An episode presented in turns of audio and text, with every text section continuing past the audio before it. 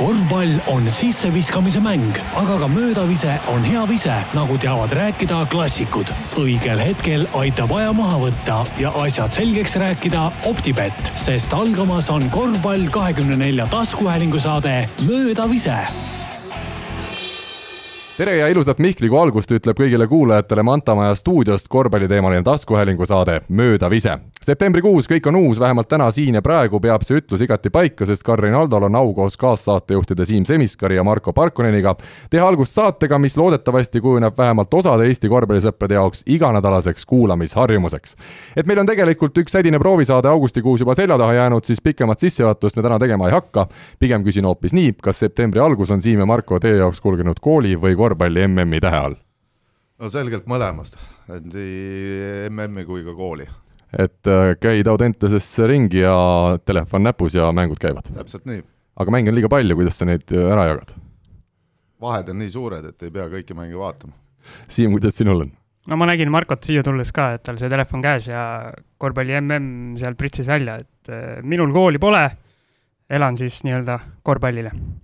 aga korvpalli MM-i juurde tuleme me juba mõne aja pärast tagasi, ent enne olgu öeldud, et stuudios ei istu me täna kolmekesi. kui Siimu ja Marko koolitee osas ajalooraamatud vaikivad, kas neid üldse koolis nähti ja kui, siis kas nad peale kehalise kasvatusega mõnes teises tunnis käisid, seda ei tea keegi. siis meie avasaate külalisena on hea meel öelda tere ja ilusat kooliaasta algust ühele tõelisele Mustamäe mehele. minu heale koolivennale Tallinna Saksa Gümnaasiumist, Gert Kullamäele, ole tervitatud! tervist! No nii nagu Saksa gümnaasium oli rajatud mändide alla, nii on ka meie raadiosuud-, raadiostuudio siin Manta majas kenasti Vaduse puiestee ääres mändide vahel, et sul ikkagi mõnus oleks. ma loodan, et see algus on vähemalt mõnus olnud. jaa, kõigepealt tänud kutsumast ja,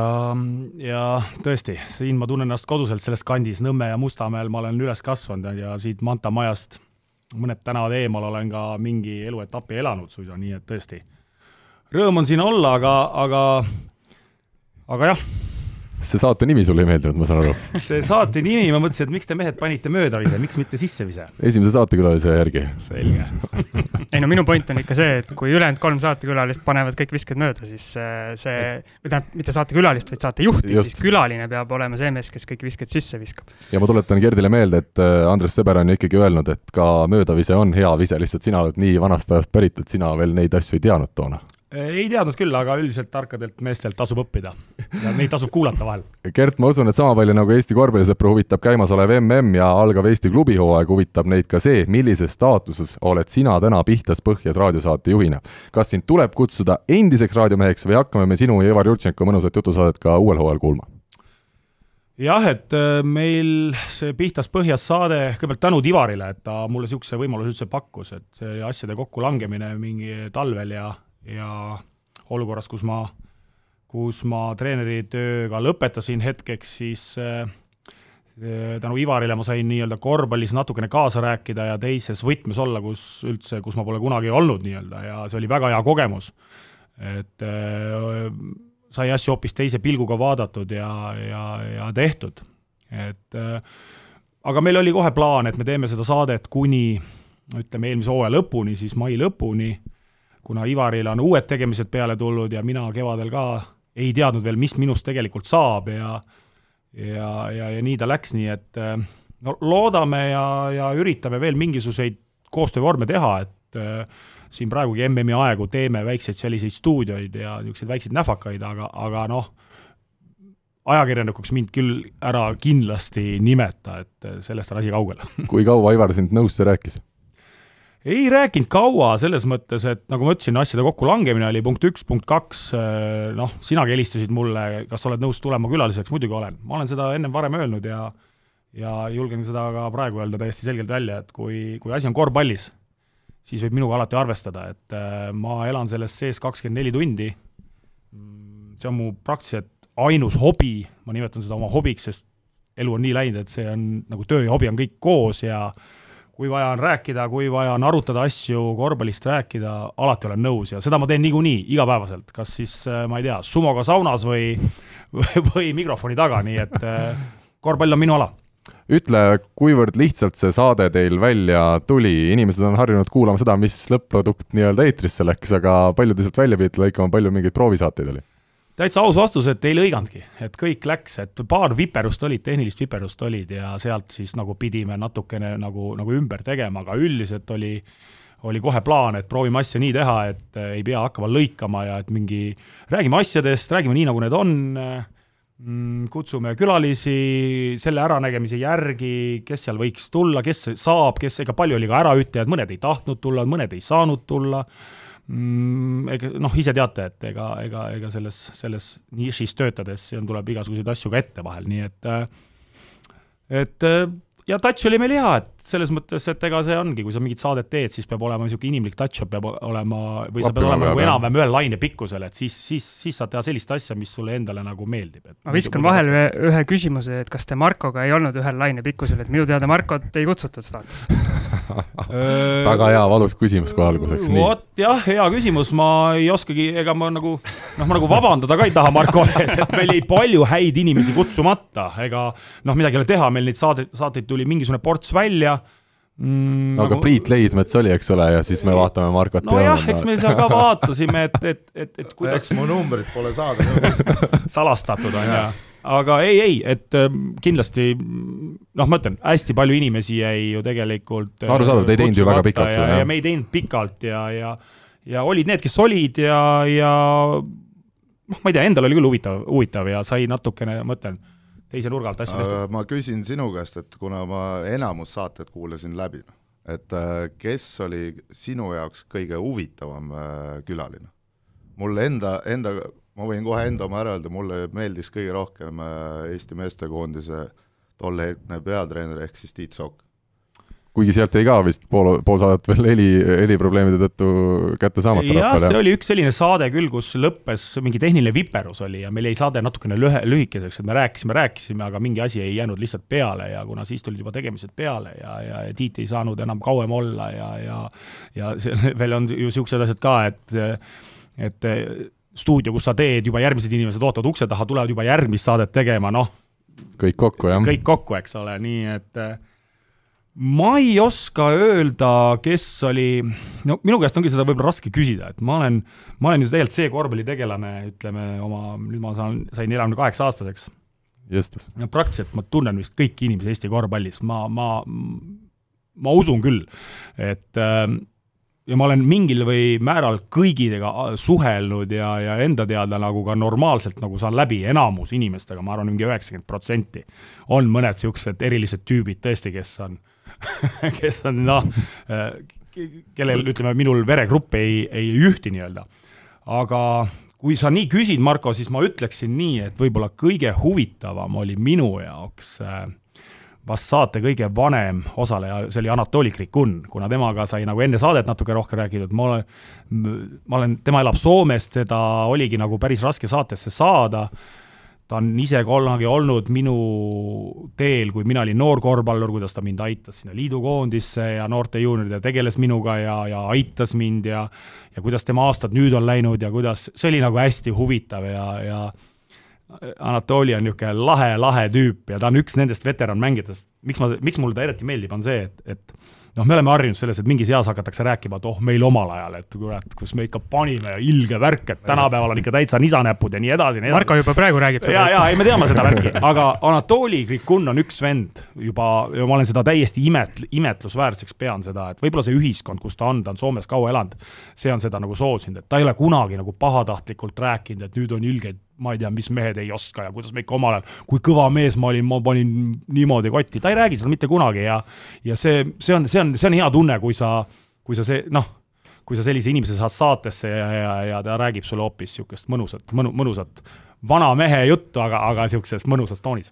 ma arvan, et kindlasti on ka see hea tunne, kui sa räägid, et oi, mina omal ajal. Nojah, aga vaata, seda juttu tasub rääkida rohkem kuskil saunas, siis ma siin mikrofoni ees, ma väga seda ei taha rääkida. Õnneks meil Karliga neid jutte ei ole, mida rääkida, me oleme sellest priid nagu jaa, aga mida mina ütlen võib-olla selle saate kiituseks, et äh, oligi see, et äh, ükskõik, kes seal äh, siis parasjagu saate külaline oli, et äh,, et ühe hea saate eeldus on head saatejuhid ja minu arust seal te kandsite välja, et Gert, sa oled ju tõesti selles alas nagu nii hästi sees, et oli alati mõnus kuulata ja minusugune ka selline harrastuskorvpallisõber, kes enam igapäevaselt ütleme ka korvpallist ei kirjuta ja kommenteeri, et äh, vot oli nii palju nagu hariv see kogu selle meelelahutusliku osa kõrvalt, et kuidagi see tuli välja. no meie taotlus oligi see, et mitte nüüd teha surmtõsist sellist saadet, et natukene ka rääkida nii inimestena, nagu me oleme, kutsuda sinna ka külalised, kes räägi, räägivad nii, nagu on, et äh, mingisuguseid, äh,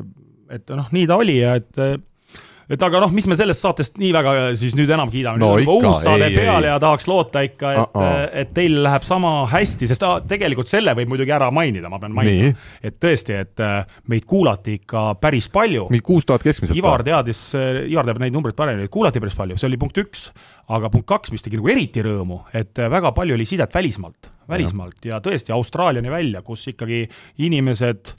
noh, elavad Eestist väljas, võib-olla neil korvpall on südamelähedane, tahavad kuulata ma mõtlesin, et austraallased hakkasid kuulama, et panid seal ei, mingi ei, ei, tõlke eestlased, ma ikkagi peale. pean eestlasi silmas, eks ole, et eestlased kuskil nagu välisriikides ja, ja, jaa. ja aga nende ja- jaoks võib-olla ongi see eriti veel, eks ole, see on üks vahend, kuidas saada koduga et kontakti. selles mõttes teile ka ikka jõudu ja, ja, ja, ja, ja usun, et teil läheb sama hästi ja, ja miks mitte ka paremini selles mõttes, et kuulajaid on ja korvpall, noh, olgem ausad, ikkagi läheb hinge inimestele ja ja, ja Eesti inimestele ja, ja seda on hea, see on hea teadmine tegelikult ju. kas Delfis mingisugune korvpallisaade jätkub, ma usun, et neid huvilisi peale meie on veel, keda, keda huvitab, et neid jään vastuse võlgu, jään vastuse võlgu, et ma nüüd ei ole nende asjadega enam nii kursis ja, ja, ja jään vastuse võlgu. No See- kui te tegite hästi lõbusa saate, siis kuna meil on juba möödavise,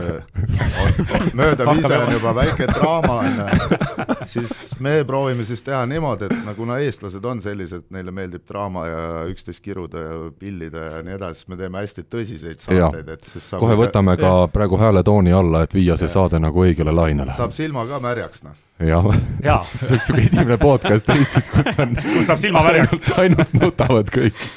kuulajad ja tegijad. aga meie kiire sissejuhatus sellele toredale saatele on äh, leidnud oma lõppu ja läheme siis esimese teema juurde.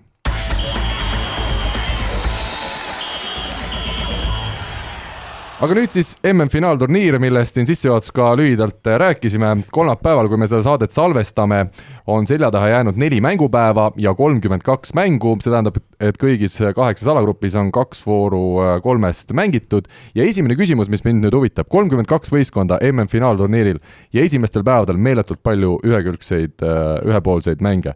kas ja milline peaks olema see muudatus, mis oleks optimaalne arv teie hinnangul MM-il? No seda on Ma palju võin ise räägitud, aga aga ma arvan, et kakskümmend neli on maks, noh. et äh, see, seda on ikka tõsiselt äh, kurb on vaadata, kuidas iga mäng põhimõtteliselt läheb kümne-viieteist minutiga peaaegu täiesti ühte auku, et äh, lihtsalt mängib, enamus ajast mängib sul taustaks, noh. et äh, kuna mul on, olen muretsenud selle FIBA, selle MM-i pääsme ja siis oli niimoodi, et vaatasime sõpradega laupäeval, üritasime mänge vaadata ja siis põhimõtteliselt kogu aeg, iga poolaeg vahetasime mänge, kuna kõik mängud enamus läksid ühte auku. otsisite midagi, kus vähegi midagi oleks nagu vaadata. natukenegi pinget minuga pärast võivad olla seal kaks Aafrika satsi omavahel, on ju, et aga mingi pinge peaks sees olema, kui on kohe kolmkümmend vahet, ega seal midagi rõõmsat vaadata ei ole enam. ja nendest kolmekümne kahest üksteist vaid on siis Euroopast, see on ka ikkagi, tundub, et see nagu natukene paigast ära. Osaliselt ma olen nõus Markoga jah, et äh, võib-olla see kakskümmend neli oleks niisugune võib-olla natukene parem arv, teisest küljest võib-olla peaks mõtlema selle peale lihtsalt, et näiteks Euroopa mm, ja miks mitte veel mõni maailmajagu saaks lihtsalt rohkem kohti, et noh, seal on neid noh, me saame ju kõik aru, mis loogika alusel neid kohti sinna on antud ja, ja kõik see korvpalli populariseerimine üle maailma ja Aafrikad, Aasiad ja kõik, aga aga, aga võib-olla siis peaks ikkagi natukene näpistama sealt Euroopa meeskondasid paremaid paremaid sinna juurde veel või, või no ma ei teagi, et ega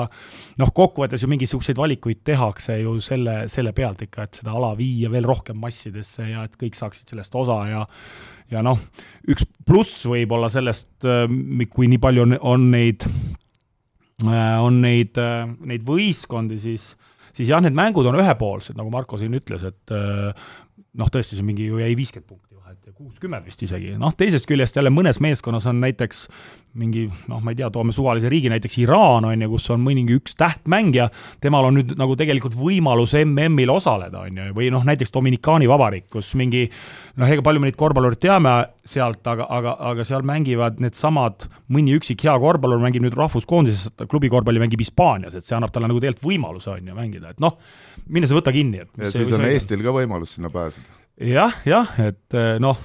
Eesti peaks vahetama ikkagi seda maailmajagu, ma arvan, siis me oleks iga kord MM-il. Okeaania vist oleks hea valik või? ei äh,, kuna Fibal on uus president, kes tuleb äh, Malist enne, siis võib-olla tuleks Aafrika alla minna, sest et sealt saavad varsti kõik võistkonnad peale. jah, see täpselt, et võib-olla sealt, võib-olla see viib hoopis selleni, et Aafrikast tuleb veel meeskondi juurde, eks. aga üks tähelepanek, mis nagu võiks olla, on äh, niimoodi, et kui enamus Euroopa riigid võtavad endale juurde ühe legionäri, kes on äh, no olgem ausad, põhimõtteliselt number kaks, kes on skoorija, ehk äh, ameeriklane ja nahavärv on ka teine. siis ma arvan, et äh, aafriklaste ja nende hiinlaste taset, või tähendab, asiaatide taset tõstaks valge Euroopa tagamängija. ja osad võistkonnad on läinud isegi seda teed, et ma tean, et Tuneesial on äh, ameeriklane, aga ta on see Michael Roll on seal taga, on ju, kes juhatab neid vägesid, sest et aafriklaste põhimiinus on ju see, et nad lihtsalt tormavad keegi, keegi, keegi ei tõmba neil nagu mingit uh, spiidi maha, vaid lihtsalt panevad edasi-tagasi suvaliselt, noh. ma just tahtsin vahele öelda, et minu äh, selle MM-i esimene mäng, mida ma pikalt vaatasin, oli see kuulus Leedu-Senegal, kus Leedu vajutas vist kas viiekümne, viiekümne nelja punktiga midagi. Ja üsna nukker on sellel tasemel vaadata mängu, kus tagamängijal on äh, konstantselt nelikümmend minutit keeruline esimest söötu anda et äh, noh. tema ei ole süüdi, teised ei vabasta ennast. no jaa, aga ütleme nii, et kas sellise meeskonna koht on MM-il, et see, see on nagu küsitav. aga samas Senegal tegi teise mängu Austraaliaga väga hea võitluse ja tegi seal ikkagi, mängu oli küll ja küll. nii, aga kui me juba siin läksime sellesama tänavuse turniiri kohta, siis ma alustaksin kõige-kõige olulisemaga. kuna meil on Eesti korvpallisaade, siis äh, mõistagi ootas kogu Eesti rahvas meie koduse liiga eelmise hooaja ainsa mängijana MM-ile pääsenud Senegal, Senegali koondislase Pepe Diopi MM-debüüti. Pape jaa, sorry, no näed, no näed, kuulus mees läks juba ja ütleme nii, et see kahekümne kolme aastane mees näitas kohe, mis liigas ta mänginud on. Senegali avavooru nelikümmend seitsesada üks kaotusmängus Leedule oli Diop ainus, keda leedukad ei ei suutnudki kuidagi peatada. kuue minutiga viskas Diop kuus punkti, mõelge nüüd, oleks Diop mänginud nelikümmend minutit, nelikümmend punkti, eks ole. Gert, räägi, mis sa talle eelmisel aastal seal TLÜ Kalevis rääkisid ja, ja sisse söötsid? ohohoo, no mis ma oskan öelda, et äh, Pape Diop tuli meeskonda Bamba Fooli, kes siis on ka teadupärast Senegalist äh, nii-öelda, kuidas ma ütlen, kutsel või, või, või soovitusel ja ja, ja mängija, noor mängija ja ja tahtis ennast välja, ta mängis juba eelmine aasta Senegali koondises ja, ja ta öö, otsis nagu väljundit, et kuhu siis tulla, et mitte Senegali jääda ja, ja kuna Pambal ju teadupärast ikka seal mingisugused sidemed ja asjad, et ja meil oli mängijate puudus ka sellel hetkel tegelikult, et siis, siis mõtlesime, miks mitte seda võimalust talle pakkuda ja, ja, ja ta tuli, aga ma ei ütle üldse, et, et mul ei olnud, et ta nüüd ära läks sellepärast, et talle et ta oli halb korvpallur. külm oli? ma ütleks nii, et see keskkond, kus ta sattus, oskamata veel keelt, inglise keelt pean siin silmas, ongi raske ja, ja, ja kõik see sinna juurde kuulub, et külm külmaks, ka see võib olla point. lõppkokkuvõttes oli see ikkagi see, et ta tuli siia, mina sellel hetkel treenerina leidsin, et ta on kehvem kui need Eesti poisid kes meil olid äh, ja, ja, ja mõnega oli mul ju nii-öelda ka mõnes mõttes nagu täitsa kohe nagu projekt, et Leemetile anda palju mänguaega, noor Eesti poiss on ju, Karl-Juhan Lips, anda palju mänguaega, et talle ja, ja, ja, ja nüüd siis seda Senegali poissi ka siin veel niimoodi push ida noh, juba, juba, juba nagu no oligi nagu raske ja, ja kokkuvõttes, kui sa siis nagu keelt ka ei oska, minu mingid asjad ei jõudnudki temale ja Pamba ei olnud ka kõige suurem jutumees, kes nagu tõlgiks asju ja nii edasi, nii edasi, siis lõppkokkuvõttes tegelikult oli see otsus tuli lihtsalt selles mõttes, et et ta suhtles ka oma Senegali treeneriga ja, ja, ja treener ütles ka, et kui sa seal tõesti nii palju ei mängi, siis tule parem tagasi ja mängid meil edasi ja, ja see oli kõik hästi niisugune mõistlik, rahumeelne. ta läks Senegali tagasi, jah? jaa, rahumeelne, rahumeelne niisugune, et kellegi, keegi ei pea kellegi vastu viha ega midagi, lihtsalt leidsime ühiselt, et tõesti, et et Pape ise nägi, et noh, siin võib-olla tal on nagu raske siin mängida ja, ja, ja ma ütlen, muud, muud asjad ka, et ei olnud kerge tal kohaneda. aga oli seal see ka, mis tüüpiline on nende legionäridega, et kui nad lennukilt maha astuvad, siis nad on järsku viisteist sentimeetrit ei lühemad? olnud, ei olnud, ei olnud, et seal oli enamus, enamus sentimeetrit paigas, me teadsime, mitu sentimeetrit, ma kilod? jõudsin isegi vaadata Aafrika meistrivõistluste mänge, sest ma jah, kuna kui Koha peal. kui pa-, ei, ei, ei, ei, ei, et et äh, uurisin, mis mängija ta on ja, ja tuleb ja noh, eks siin ka oli ju selle väga selge nagu niisugune rahaline mõiste ka, et ta tõesti oli, oli praktiliselt nõus tulema niisama ja kõik need asjad kokku, no ja mõtlesime, no noh, Pamba, Teeme ära. toome sulle mehe ja sul ka lõbusam siin natukene ja ja noh, Tallinna Kalev ikkagi ei ole ju täisprofessionaalne sats, olgem ausad, see on ikkagi meeskond, kes on nagu nii-öelda kokku klopsitud, kes käib tööl, kes käib, midagi teeb nii-öelda, nii et sellel hetkel, ma arvan, oli see, see hea, aga, Aga aga, aga tagasi tulles selle mängu juurde, mis tuli, jaa, see põnev mäng ma. vaatasin ka seda mängu ja tõesti nagu vot tänu sellele, et, et Pape oli meil siin ja, ja just selles minu võistkonnas ma tunnen teda, kogu aeg mul niisugune tunne, et no millal nad nüüd väljakule tuleb, millal? Ja nüüd, kui ja siis, kui tuli, tead, ma olin kohe nagu rõõmus, et tead, ma hakkasin Senegali mängu kohe teise pilguga vaatama. Oma mees MM-il oma mees MM-il ja kohe ja kõik see tema liigutused, ma vaatasin, kui hakkas seal kohe sahmima, mul tulid kohe trennid meelde. Et, et mis mees on, nii et ei, lahe, et äh, ja, ja, ja tuult tiibades seda igal juhul. sa mainisid seda, et ta tuli ju sisuliselt, sisuliselt siia mitte millegi eest, et, et ta oligi siis selline mees, kes oli niivõrd nii-öelda suure korvpallihingega, et ta tahtis mängijaks saada või noh, tahab ilmselt, eks ole, siiani Jaa. ja ta oli valmis siia tulema, et ta saab tasuta elamise ja tasuta söömise ja, ja proovib, kuidas ja tuleb., ja, ja nii, nii, nii, nii me seda asja, asja tegime seal temaga ja, ja elas ta koos Pambaga ja, ja, ja, ja, ja nii oli jah. sõi, sõi Pamba koondisest välja. selle, selle väikse ajaga. jah, jah, aga tõele au andes, ega Diop on ka ikkagi Senegali koondises ju vahetusmees, kes saab väljakule harva, teises voorus Austraalia vastu viibis ta siis väljakul ühe minuti ja, ja sai kirja ühe ebaõnnestunud kaugeviske, mis tõestab veel kord, Gert, et me oleme valinud saatele õige nime. No jah, kui te see nüüd selle järgi valite, siis küll jah. aga kui nüüd tõsisemalt rääkida, siis mis teile selliselt üldiselt on siin esimesed päevad eh, MM-il silma hakanud, midagi head, midagi halba, midagi erilist, mängudest ise jõuan muidugi veel rääkida, aga on teil sellised isiklikud eh, lemmikhetked juba siit eh, MM-ilt käes või? No Marko siin ütles, et neid ühepoolseid mänge on, on siin üksjagu olnud, on ju, teisest küljest on juba neid niisuguseid mõnusaid trillereid ka olnud, eks juba ja sa pead ja... oskama valida neid õigeid mänge, jah? jah, jah, ja noh, päris kõike ju nii või naa, ükskõik kui ku- suur korvpalligurmaan sa ei ole, kõike ei jõua vaadata. Marko jõuab. Ma ei usu, et Marko ka kõike jõuab, et päris kõike vist ikkagi jõuad, siin juba ma ütlen, on ju omal ka treeningud. järgi saab ka vaadata. jah, saab küll, aga ma ei usu, et sa vaatad äh, kuradi Leedu-Senegali või no seda veel vaataks, aga ma Jah, ei tea, kas Tuneesia ja Iraan mängivad, viitsid vaadata või no järgi või? täna vaatasin Angola, Filipiinide ja kuidas tundus? no päris hea oli. keda, keda välja tooksid? ei, ma ei vaadanud, ma vaatasin lihtsalt nagu mängu, ma ei vaadanud seal nimede poolest, et ma jah, ei suht oli okei okay,, kuna mäng oli tasavägine ja siis nagu see läheb küll. et äh, mina võib-olla tooksin välja paar niisugust niisugust nagu heredamat hetke võib-olla, üks oli kindlasti mäng Ameerika Ühendriigid-Türgi, eks Oo jaa. mis oli ikkagi Oo jaa. väga kõva lõpuga mäng ja ja täitsa kohe nagu mul kodus oli ikka, kuna ma vaatasin seda oma noorema pojaga, siis oli ikka nagu väga vinge emotsioon üleval kodus, et vot seal mina tahaks kohe küsida, et sina mängumehena kindlasti oled ka olnud olukordades, et seal lõpus oli see vabavisete kaskaad ja ühelt poolt tehti halbu otsuseid, teiselt poolt halbu otsuseid, et mis tunne on sellises olukorras,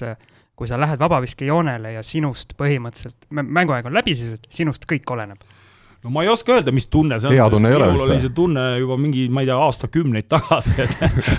et ma ei mäleta enam seda neid tundeid, et äh, ju seal ikkagi närvide mäng on ja nagu me nägime, siis äh, Türgi ütleme, esimene mees, kes läks vabaviskeid viskama, on ju, no see pani kaks konkreetset kivi vastu lauda, eks, või kes neid viskeid nägi. jälle õige nimi meie saatel, eks ole. täpselt, täpselt. eriti selle teise, sest et mulle tundus, et see teine oli vapse täitsa suvaliselt, kukkumise pealt pani teise vabaka ette täitsa, täitsa vaatasid, et mängijal on täitsa null touch'i, eks ole. ja, ja, ja teine mees siis läks ja pani kõva vana NBA-st tuleb, eks ole, ja tähtmängija mõnes mõttes ja, ja tuleb, paned kahest null, eks ole, et ju seal ikkagi närvid ja psühholoogia mängis seda, seda rolli. eks seal on, ma arvan, et seal mängib suurt rolli ka need olukorrad, et enne mõlemaid vabaviskeid kontrolliti või tähendab, vaadati videot, noh.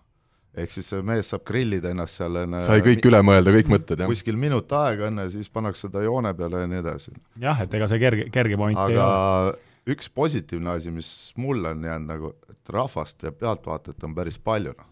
Ja eriti need lõunamaalased, noh, sinna võib ka türklased juurde panna, siis lärmi on, lärmi on seal päris kõvasti saalis, noh. mis nagu juba iseenesest pealtvaatajana, kui seda on ka kuulda, telekast vaatad enne, siis see tõmbab sind nagu rohkem ka mängu sisse, eriti kui on veel suht tasavägine mäng. et niisugune suure mängu tunne ikkagi jaa, et ne, neid on palju parem vaadata, kui need kõik seal lärmavad, on ju, mitte nii, et korraks plaksutad ja siis kuue minuti pärast uuesti. aga korra selle USA juurde tagasi tulles, et eh, põhiteema vist, mis siin on enne MM-i ja nüüd MM-i ajal, eh, millest on räägitud, on see, et kas eh, USA koondisel on seda power'it, et see tiitel võtta või siin mõni Euroopa suur vajutab ära neile? Nojah, siin on igasuguseid teooriaid ja eks mängud ka siin näitavad, mismoodi, et noh, fakt on ju see, et Ameerika Ühendriikide koondis on tugev, et eh, nii füüsiliselt eriti ja individuaalselt ka, eks ole, kui tugevad nad meeskondlikult on, noh, see on nüüd teine küsimus. mulle kohati tundus, et see, mis Marko enne rääkis siin eh, nende Aasia ja Aafrika võistkondade kohta, et seal oleks vaja ühte valget niisugust tagameest, kes natuke kontrolliks seda mängu, et see sobiks ka sinna. ei no eks neid kontrollijaid, ma arvan, on seal praeguses koondises ka ikkagi piisavalt, et eh, seal kontrollib või... vist peatreener pingi pealt juba nii palju, et USA puhul see ei olegi, sest et nende stiil on, kui vaadata eile seda Türgi mängu ka, lihtsalt neile pannakse ära, nad on seal kahe-viiega maas, nad tulevad üle, panevad ühe söödu, panevad peale, ükskõik pikk, lühike, vahet ei ole, kuna see on nende stiil ja nad ei põe neid asju, kuna nad on tegelikult ikkagi väga enesekindlad, vahet ei ole, mitmes võistkond see on ja mis iganes, siis äh, mina arvan, et kui USA kukub välja, siis ta kukub välja. aga reaalselt äh, on ikkagi nii, et ta äh, igal pool ta on nagu favoriit number üks isegi selle võistkonnaga ja USA kindel trump on niisugune, kus ta teeb, ta võib teha kahe minutiga järsku kümme-null. ja need sellised spordid, nende puhul on see, mis tapab tavaliselt vastasvõistkondas, et kui sa oled kahega maas ja järsku on kümme-null minuti pärast, on ju, siis on niimoodi, et sa hakkad juba ise kiirustama, on ju, noh, mõned võistkonnad tulevad välja, enamus ei pruugi tulla sellest. et ma arvan, et see on üks USA, USA trump no huvitav, mida oli näha, et äh, mina ka, kui nüüd kebaab välja jätta, ega ma suur Türgi riigi koondiste fanatt ei ole nagu aastate jooksul olnud, aga eile tundus, et ma ei olnud ainus, et need hiinlased, kes seal kohapeal olid, need olid ikka sada kümme protsenti kõik ju Türgi poolt, et ilmselt seal on poliitilised põhjused ka, miks, miks nad Ameerikale väga kaasa ei elanud. Äh, aga, aga tõesti, see mängu lõpp, see põhi, ütleme siis normaalaja lõpp ja, ja lisaaja lõpp, minu arust see andis siin kohati suurema emotsiooni kui siin mõne, mõne liiga hooaeg võib-olla kokku teinekord vaatad, et see, see nagu MM-i tõelist nagu palet tõi kohe välja, et. Jah, aga seda Ameerika mänge vaadates minul tekkisid hoopis niisugused hoopis, hoopis teistsugused emotsioonid ka selles mõttes, et noh, vaatad ka mingi treeneri pilgu läbi, vaatad, et et, et noh, Türgi mängis seal maa-ala, eks, on ju. No ma vaatasin, kuidas, no lihtsalt nagu ise paned ju ka ennast mingisugusesse pilti ja vaatad ja oled ka korvpalli mänginud, et tegeled sellega, vaatad no ma ei saanudki aru mängu lõpuni, mida nad, kuidas nad püüdsid seda, seda nagu seda maa-ala üldse lõhkuda. ja siis vaatad seal treeneripingi peal on Popovitš, Kerr, mingid hirmsad kärbsed, eks ole, ja ilged vennad, kirjutatakse lugusid, legendid, treenerid. ja siis vaatad mingi arutu kamp jookseb edasi-tagasi, mitte mõhku ka ei saa aru, mida nad seal teevad.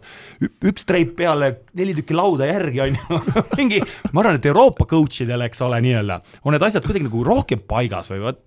vot selles mõttes kutsuge Martin Müürsepa, tema oskab siia stuudiosse, ta oskab kindlasti rääkida neid NBA treenerite mõttelaade ja värske, et mul ikkagi nagu hirmsalt kipub kogu aeg see, see nagu ja see mäng andis nagu kinnitust ikkagi puhtalt seda, et noh, mida nagu lihtsalt mõtled, et ma kindlasti kogun hästi palju vastaseid nüüd omale erinevates korvpalliringkondades, et et see kuradi NBA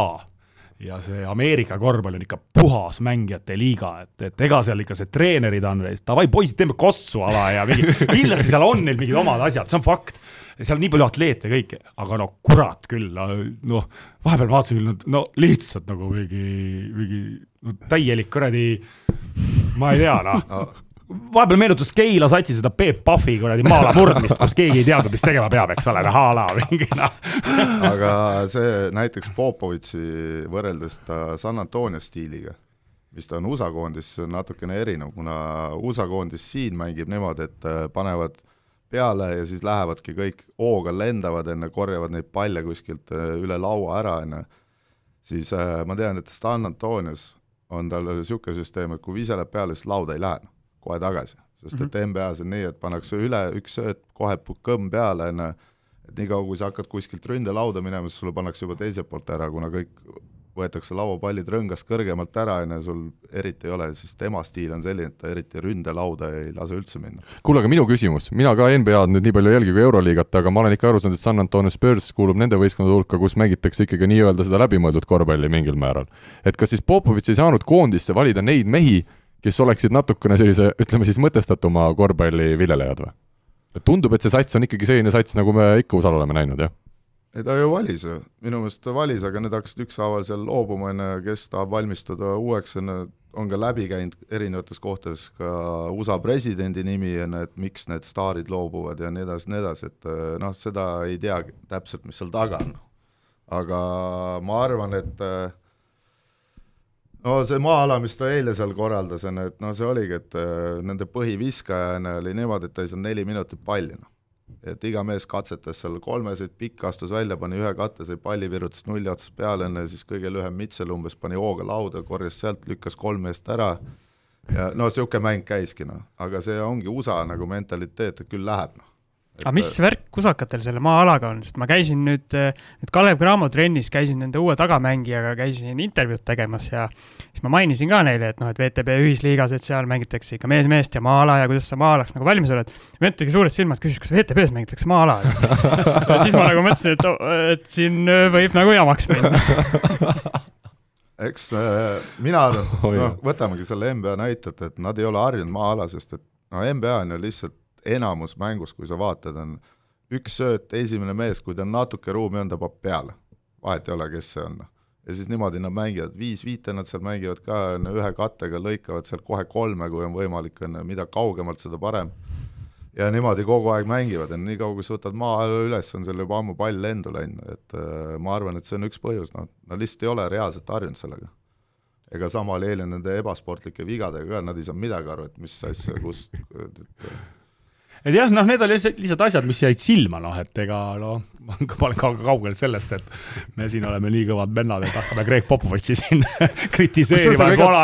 vana on ikkagi, ütleme tegelikult nagu noh, ongi igas mõttes on ju ikkagi nagu ikkagi suur nimi korvpallimaailmas, absoluutselt on ju. aga eile ta oli ikka punases. aga, aga lihtsalt niisugused asi, kui sa vaatad teleka vahendusel ja, ja vaatad ja lähed sinna mängu sisse, siis sa nagu lihtsalt hakkad enda peas mõtlema neid, neid niisuguseid asju, et, et kuidas see saab nii olla, et mis mõttes nagu,? ei no minu arust kogu see, et sa vaatad, kes seal on, eks ole, Popovitš, Kerr, kõik on pingil, pintsakud seljas, kõik, oh ja siis vaata, kuidas seesama meeskond mängib, kes on, eks ole, suur favoriit ka, et siis tundub, et seal võiks ükskõik olla seal see pintsak seljas ja, ja see meeskond no, ei mängi mulje jääb, eks ole, selline mulje jääb ikkagi jah, et, et, et selles mõttes ma mõtlengi, et, et kui siin kui siin Marko pakub, et ikkagi USA on favoriit number üks, siis, siis ma siis nagu saate huvides ka nagu oponeerin. mina hea. ütlen, et ta ei ole number üks ja mina ütlen, nad saavad näfaka ära ja ja juba saavad varajases faasis ja muideks ma koduses ennutusvõistluses isegi ei pakkunud neile medalit. vaat nii julge mees, vot nii julge mees olen ei, ma ei vaidle sellele üldse vastu, sest et äh, ma vaatasin ka, kuidas play-off'is, kes kellega kokku lähevad ja nii edasi, et äh, kui eile või kui see Türgi oleks suutnud USA ära võtta, siis USA-l oleks juba olnud raske edasi saada, üldse veerandfinaali, sest et sealt tuleb veel näljane Kreeka, kellel on kaotus all, ja siis, kui oleks USA saanud ühe mängu veel pähe, oleks ta juba väljas olnud. ja seal ongi, et noh, olgem ausad, Serbia on päris hea, suured hetkel pakuvad kõik, nagu ma nägin seda Serbia mängu ka, siis noh, need vennad lihtsalt naudivad seda mängu, et äh, ja naudivad mõtestatumalt kui ameeriklased, ütleme. jaa, et see noh, USA USA-ks on, eile nad pääsesid, eks paistab nagu, kas nad veavad välja, aga noh, kõik pakuvad teda favoriit number üheksa, ma arvan, et keegi ei saa neid alahinnata. aga eile oli, oli tegelikult hea mäng, oli Brasiilia-Kreeka, noh. jah. kus eh, toome jälle näite, et brasiillased on lõunamaalased, aga nende juht on Euroopa treener. ja siis no seal viimane minut, see käis seal kõva etendus, aga kusjuures huvitava lükke tegi Brasiilia peatreener, mängu lõpus oli kaks sekki jäänud ja Slovkas tõmbas välja oma väljaku poole pealt kolm vaba viset. ja, ja kaks sekki, kaks koma neli, kaks koma kaks oli jäänud ja treener võttis time-out'i enne vabakaid. Nad olid kolmega ees, noh.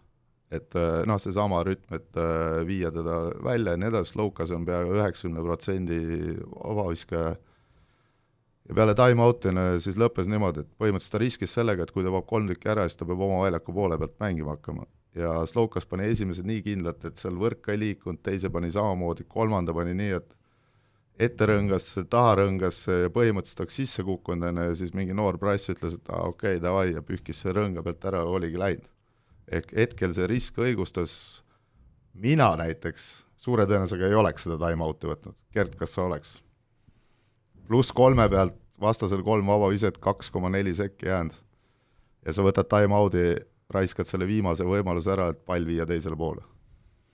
jah, mõttekoht, aga noh, oled seal pinges ja saalis ja võib-olla on, ei tea, mis sellel hetkel kuule, ma küsingi sama asja, te olete treenerid, palju teil juhtub selliseid asju, et te tagantjärele saate nagu mängu lõpus aru, et see, ütleme, viimane minut oli, ütleme, kas või nii äh, energiline ja nii selline emotsionaalne ja kiire, et sai, saigi mingit täiesti nagu lollus ise vastu võetud? Ei, ma, ei mitte saa kunagi mitte kunagi, siin on küll treenerid, kes ei tee lollusi, selles mõttes täitsa valesti püstitatud küsimus, Karl, sinu poolt. võrkpallimees. suur miinus, aga kuna sa oled see võrkpalluri, võrkpalli taustaga, siis hea küll, anname sulle andeks. aga ei, noh, neid momente, kus sa nagu pärast mõtled, kas see on õige või vale, on, on minu karjääril kindlasti olnud hästi palju ja just selles mõttes, et kui siis nagu, kas sa siis võidad või kaotad, et et kas sa siis noh, tee just, just nende, neid olukordasid ma mäletan palju, et, et noh, tee see kiire viga ja saada mängija siis, mängija siis joonele, las viskab vabaviskeid või siis, et ei tee viga ja ja lased kaitses mängida nii, et las viskavad raske viske, kui läheb sisse, läheb sisse ja nii edasi, et siis, et noh, mis seal õige on ja, aga noh, kokkuvõttes seal ei ole õiget vastust, noh, see on kõik täpselt nii, kuidas sa lõpus noh, kuidas juhtub, eks ole. kuidas seal, noh, selles mõttes just, et noh, läheb, pannakse neid vabakaid mööda, pannakse viimaseid viskeid mööda ja kõik, et seal aga see on no. alati niisugune nii-öelda jutukoht, et mõni treener teeb ühtepidi, mõni, mõni teeb teistpidi, kas teil mõlemal on nagu mingi enda jaoks välja mõeldud, et kui on see olukord, eks,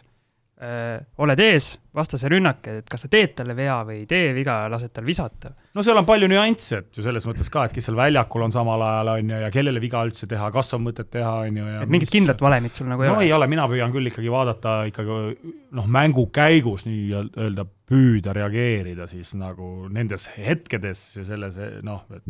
ma ei tea, siin ja minul, ma ei tea, kas Markol? samamoodi, et vastavalt mängule, vastavalt vastastele kuidas mäng on üldse kulgenud ja nii edasi, nii edasi, et kui vastased on ilmselgelt panevad kolmekümnest kaksteist vabaviset sisse, siis pigem äh, ikkagi lähed riski peale, teed vea, ja kui nad panevad kolmekümnest kakskümmend üheksa sisse, siis no siis võib-olla proovid mängida kaitset niimoodi, et nad viskavad sulle üle käe ja mis iganes. aga ma ütlen nii, et treenerina see on kõige parem asi üldse, kui saab mängu lõppe panna punkt punktis, noh mm -hmm.. et see nagu tõmbab sind ennast ka niimoodi käima ja kui sa oled reaalselt nagu ise selleks valmis ka, on ju, siis no vahet ei ole, kui sa teed lõpus mingi vale otsuse, paned vale mehe sisse või mängid kellegi teise peale, mis iganes, ega sa seda võistkonnale ei ütle, kuule, sorry, minu viga, et ma nüüd lasin sul visata, noh. et aga no kodus sa ikka vaatad, mõtled läbi, et noh, kas oli õige liikumine tehtud, mis seal liikumisel võis valesti minna, me ei räägi ainult viskest, et nagu kus positsiooni pealt sa said visata, kas sööt ei ole õige, noh, paned out'i söötma tegelikult mõnikord vale mängija, kes on näost täiesti valge, on ju, siis ilmselgelt seal mingit head pulli ei tule, noh. jah, ja siis Markol on keeruline, vaata, Marko ei saa tüdrukuid kuskile koju tagasi saata, ta peab nendega järgmist mängu uuesti mängima, aga Gert, sul on alati see, et legionär teeb mingi jama, siis saadad lennuki peale. saadad Senegali. vaata, seal on, vaata, seal on veel üks jama, ma siin Markot täiendaksin natukene et sa võid ju neid ka, neid nautida, neid mänge lõppu sealt punni ja ühega ja kahega, aga aga kui sa oled kuskil sellises meeskonnas treener, kus äh, see punnide kaotus võib sulle töökoha yeah. Äh, anda, vaata siis sa nagu ei naudi neid väga. ja siis pead pool, siis pead pool hooaega hoopis podcast'i tegema, mitte meeskonda treenima. siis on asjad teistmoodi, tead, nii et äh, eks siin on nii ja naa no siis tuleb ära võtta kõik need punnised. no see on hea, ja siis, siis on, siis on, ei no siis on üldse elu lill et see jah, et see ma täpsustan, mul on äh, ka sama U kaheksateist poisid ka, kellega mul meeldib ka samamoodi, et see näitab ära, kellel nagu veits närvi ka on ja kui nad on tegelikult, mida rohkem sa tasavägiseid mänge nagu üldse mängid, kas või noore karjääri jooksul, on ju, siis see reaalselt on niimoodi, et, et ka need mängijad naudivad. kui sa ise oled muidugi niimoodi seal ees, on ju, käed värisevad, tahvel kukub kolm korda maha, on ju, siis siis mängija tahab ka, et huvitav, mis pulli nüüd hakkab saama, aga kui sa oled niisugune e-, nagu enesekindel, sa tead, mida sa neile räägid, siis need kutid või tüdrukud, vahet ei ole, mehed naised, profid, mitteprofid, sest nad pigem usuvad seda, et see võib toimida mm. -hmm. ja siis nad lähevad, panevad ja siis noh, võibki juhtuda, et enamus viskad lähevad ka sisse, kuna nad ise ei pabista seda, noh või siis paned mööda ja pead otsima uue, uue klubi. kuulge, aga mehed, ma tean, et siin äh, teil mõlemal on äh, meie siis treeneritest äh, tänastel stuudiomeestel on õhtul ikkagi treening tulemas, et me peame paratamatult edasi lähe-, minema. ja MM-ist rääkides, Ulanovas, Valanciunas, Sabonis, Jankunas, Kuzminskas, Matšulis, Seibutis, ma ütlen, või Seibutis, kuidas see õige nüüd hääldus on, eks ole, aga ma ütlen, see see, äh, see nimetatud koosseis siis Leedu põhimehi äh, tänu Euroliigale ja NBA-le on minule küll see meeskond kuidagi rohkem veel südamelähedane, kui ma täna vaatan kas või Eesti koondist, et kui need mehed lähevad väljakule, olles nende tegemisi siin aastaid jälginud ja teades, kui hästi nad mängivad ja ja, ja kui suure südamega nad mängivad, siis see Leedu koondis on küll, no iga mängu nagu ootad, ootad suure huviga, eriti just siin, kui play-off hakkab pihta, kuidas teil on? no esmalt ma ootan seda homset mängu Austraaliaga et siis saab nagu, ma loodan, et siis saab nagu Leedust nagu täieliku pildi ette, sest et praegu on need küll, neil see asi nagu jookseb väga hästi, Leedu kindlasti kõva tuhhi annab juurde ka see punase habemik seal rahva seas suure trummiga. et kes tõmbab neid seal kogu Leedu rohelisi särke ja kõiki neid käima ka, nii et need hiinlased ja kõik lähevad lõpuks, vajuvad sinna Leedu poole. kuidas sulle, Gert? Tundub see? no see jah, no Leedul on ju läbi aegade ikkagi minu arust on üks hea pluss, et nad mängivad ikka hirmsalt oma, oma, oma rahva ja riigi, riigi eest, et ükskõik, mis koondise nad kokku saavad, siis nendel on nagu seda, seda eneseuhkust ikka, ikka, ikka kapaga antud ja just korvpalli suhtes, nii et see on ükskõik, olenemata sellest, mis koondised neil on, sellel turniiril on ju nad saanud, noh, neil on ka puudujaid, nii nagu paljudel koondistel, aga ikkagi on saanud ikkagi tegelikult ka nii-öelda ikkagi noh, julgelt võib öelda, tugeva koondise kokku, eks, nii et äh, noh, teisest küljest jällegi ikkagi mingil turniiri faasis hakkavad ikkagi juba nii, hakkavad mängud pihta, et kaotajad oled väljas ja, ja mingil hetkel saavad kokku ikkagi nii, et sa ei oska favoriiti öelda, et äh, noh, tänasel päeval sa läheb, ma ei tea, Leedu Serbiaga kokku või, või, või Kreekaga või, või, või, või ma ei tea, kes seal on, ega ei ole ju mingit kindlust, nii et mängud lähevad huvitavaks, aga, aga, aga kindlasti, kuna Leedu on meie siin ja tuttav naaber, eks ole, siis kindlasti on palju seda publikut, kes ju nendele pöialt hoiavad. kuivõrd äh, tugev see Leedu meeskond siis tänasel päeval on, on, on nad siis tiitlipretendendid täna? eks homme on juba esimene test, sellepärast et äh, vahegruppi võetakse võit või kaotus kaasa, noh, ja neile peaks tulema vastu, kas oli äkki Prantsusmaa ja, ja, ja siis Dominikaanid ja on Prantsusmaa, kui tuleb vastu täiseduga, on kaks võitu kui nad homme suudavad Austraaliat võita, neil on kaks võitu, et põhimõtteliselt neil on vaja üks mäng ära võtta, et saada play-off'i, noh. kui lähevad kaotusega, siis on juba päris korralik tegemist seal vahegrupis ja Prantsusmaa ei ole üldse paha sats, noh. oskame mänguliselt öelda, mis on Leedu tugevused, nõrkused sellel turniiril, vaadates mehi? Senegali vastu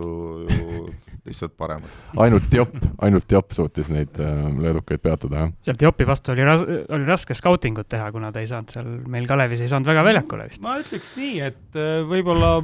noh, taktika poole pealt, noh, kui sa oled siin, ma ei tea, ma olen vaadanud mingi pea terve ühe mängu nii-öelda, mina vaatasin seda Kanada mängu jah, Leedu-Kanada mängu, et noh, vast on mingi raske teha mingi, et kuidas nad nüüd mängivad või mis see Adomaiti seal täpselt on, et eks iga vastase iga vastasega ju on ka seal mingid nüansid tulevad mängu sellel tasemel, et kuidas minnakse ja, ja mida tehakse ja kust proovitakse vastast murda, aga aga ma ei tea, mulle võib-olla jääb silma just see, et neil on ühtlane koosseis, et ükskõik kellega nad võivad ükskõik mis koosseisus alustada ja, ja paljudel tippkoondistel seda tegelikult ei ole, et on niisugune hea kuuene-seitsmene tuumik. aga Leedul on kuidagi, mulle tundub, et praktiliselt kõik vennad on seal ikkagi, ikkagi väga-väga-väga valmis, valmis ja punktid on ka jagunenud hästi ja, võrdselt siiani. ja et ei ole niisugust ühte kindlat venda, kes nüüd seal, kelle peaks, peaks põdema, et noh, seal selles mõttes, et kõik on, kõik on võimelised tegema, eks. aga öelge nüüd, kas Leedu-sugusel meeskonnal peaks olema see üks liider ikkagi, kes on ikkagi nende sellest heast pundist ka natuke üle, üle, kellele vaadatakse otsa, või see ongi just hea, et need on hästi võrdsed ja, ja selline ühtne võistkond? või peaks selline liider punktiviskaja näol olema? Ma ei tea, ma arvan, inimesed on erinevad, kuidas mõtlevad, mina mõtlen, et kui sa mängid sellist turniiri, siis on ühtlasem koosseis parem kui üks eriliider, aga loomulikult on ka vastupidiseid näiteid olnud ja praegu just tuleb meelde, ma mäletan aastakümneid, aastakümneid tagasi oli Brasiilia koondis, oli Oskar Schmidt oli selline vend, kel, kelle najal kogu koondis üldse ainult mängiski ja päris edukalt mängis, nii et aga ma usun, et tänapäeval, kus neid mänge on palju seal ja ja, ja noh, koondisi on palju, siis mida ühtlasem koosseis sul on, ma usun, et seda tugevam sa oled meeskonnana. Äh, ma arvan, et äh, järgmised mängud, mis lähevad nüüd nagu põhimõtteliselt peaaegu elu ja surma peale, siis seal tek-, tuleb iga mäng vähemalt üks mees, kes on skoori poolest teistest selgelt üle, eespool, kas on Kuzminskas, Kalnietis, Valanciunas, kes iganes. aga seal enam ma ei usu, et läheb niimoodi kümme, kümme, kümme, üksteist punkti, vaid ke-, keegi tõuseb sealt esile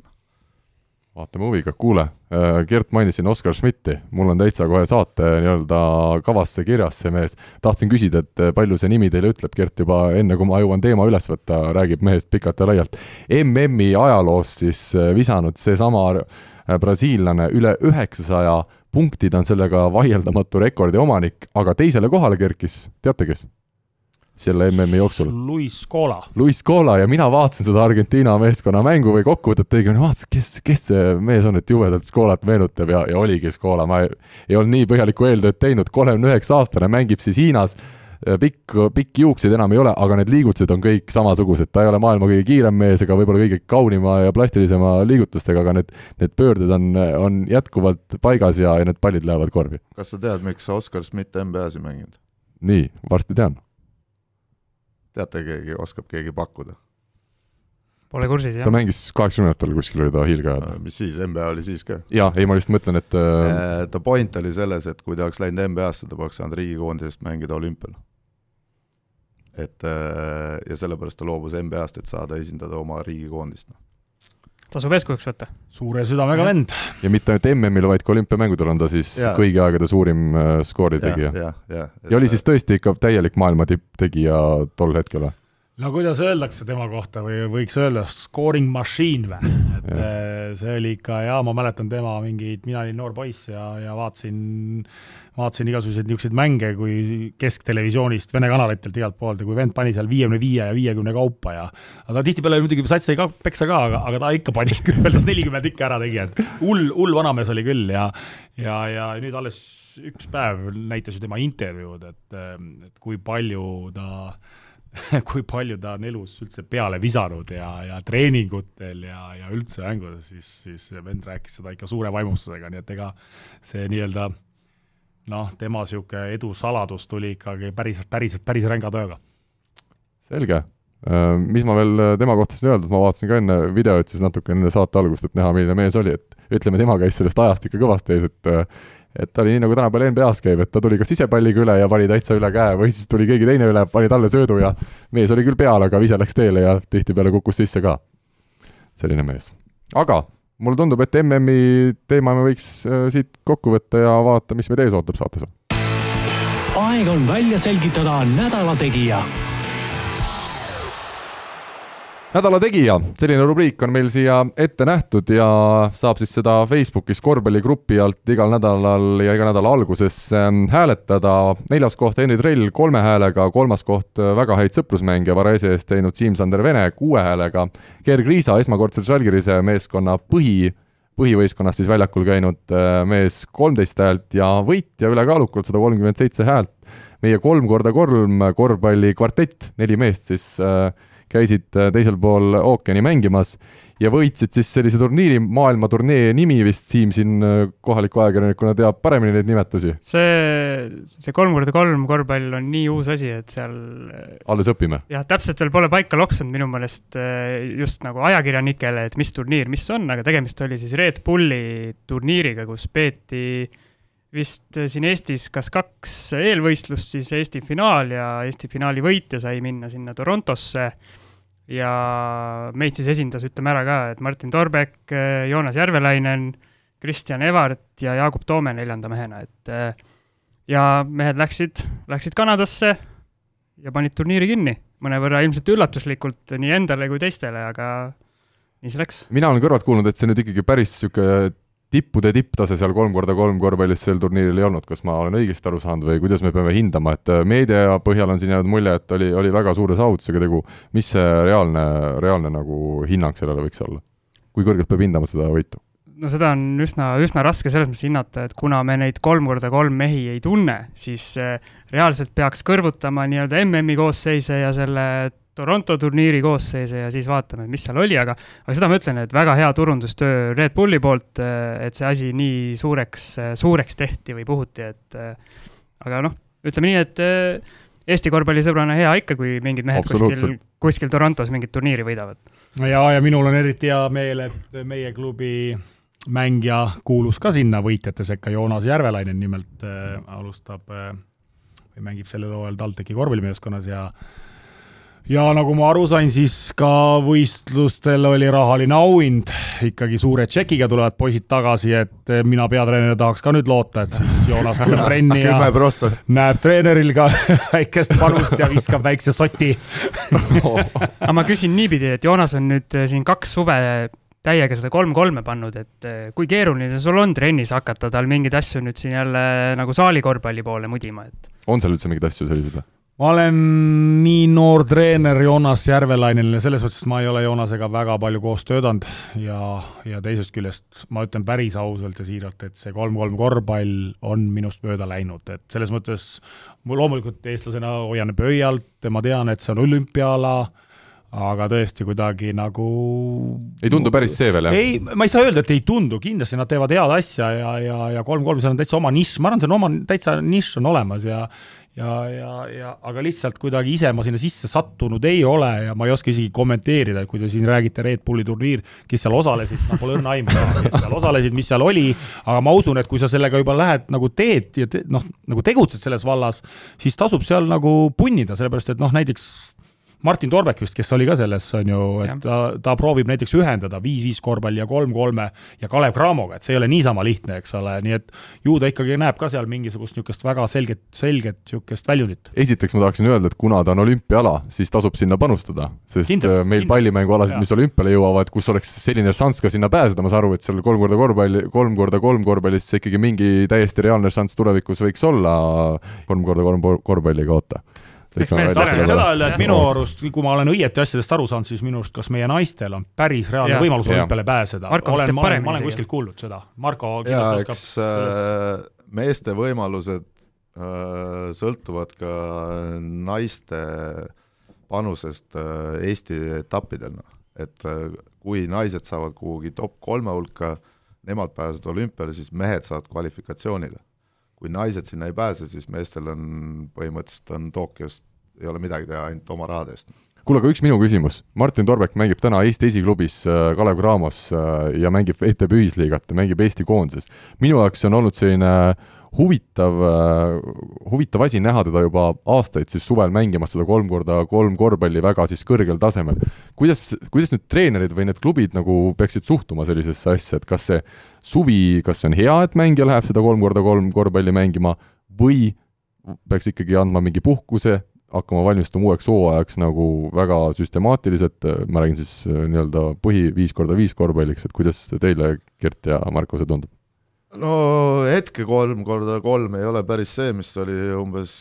kaheksa või kümme aastat tagasi, et kuskil Võru tänava peal panid enne ja siis tuli mingi saja kolmekümnene vend, pani sulle niisuguse litaka, et sa kuulsid neid ööbikuid seal enne või paduvihma käes asfalttee peal kõnnid ja ääred, kõik muud asjad enne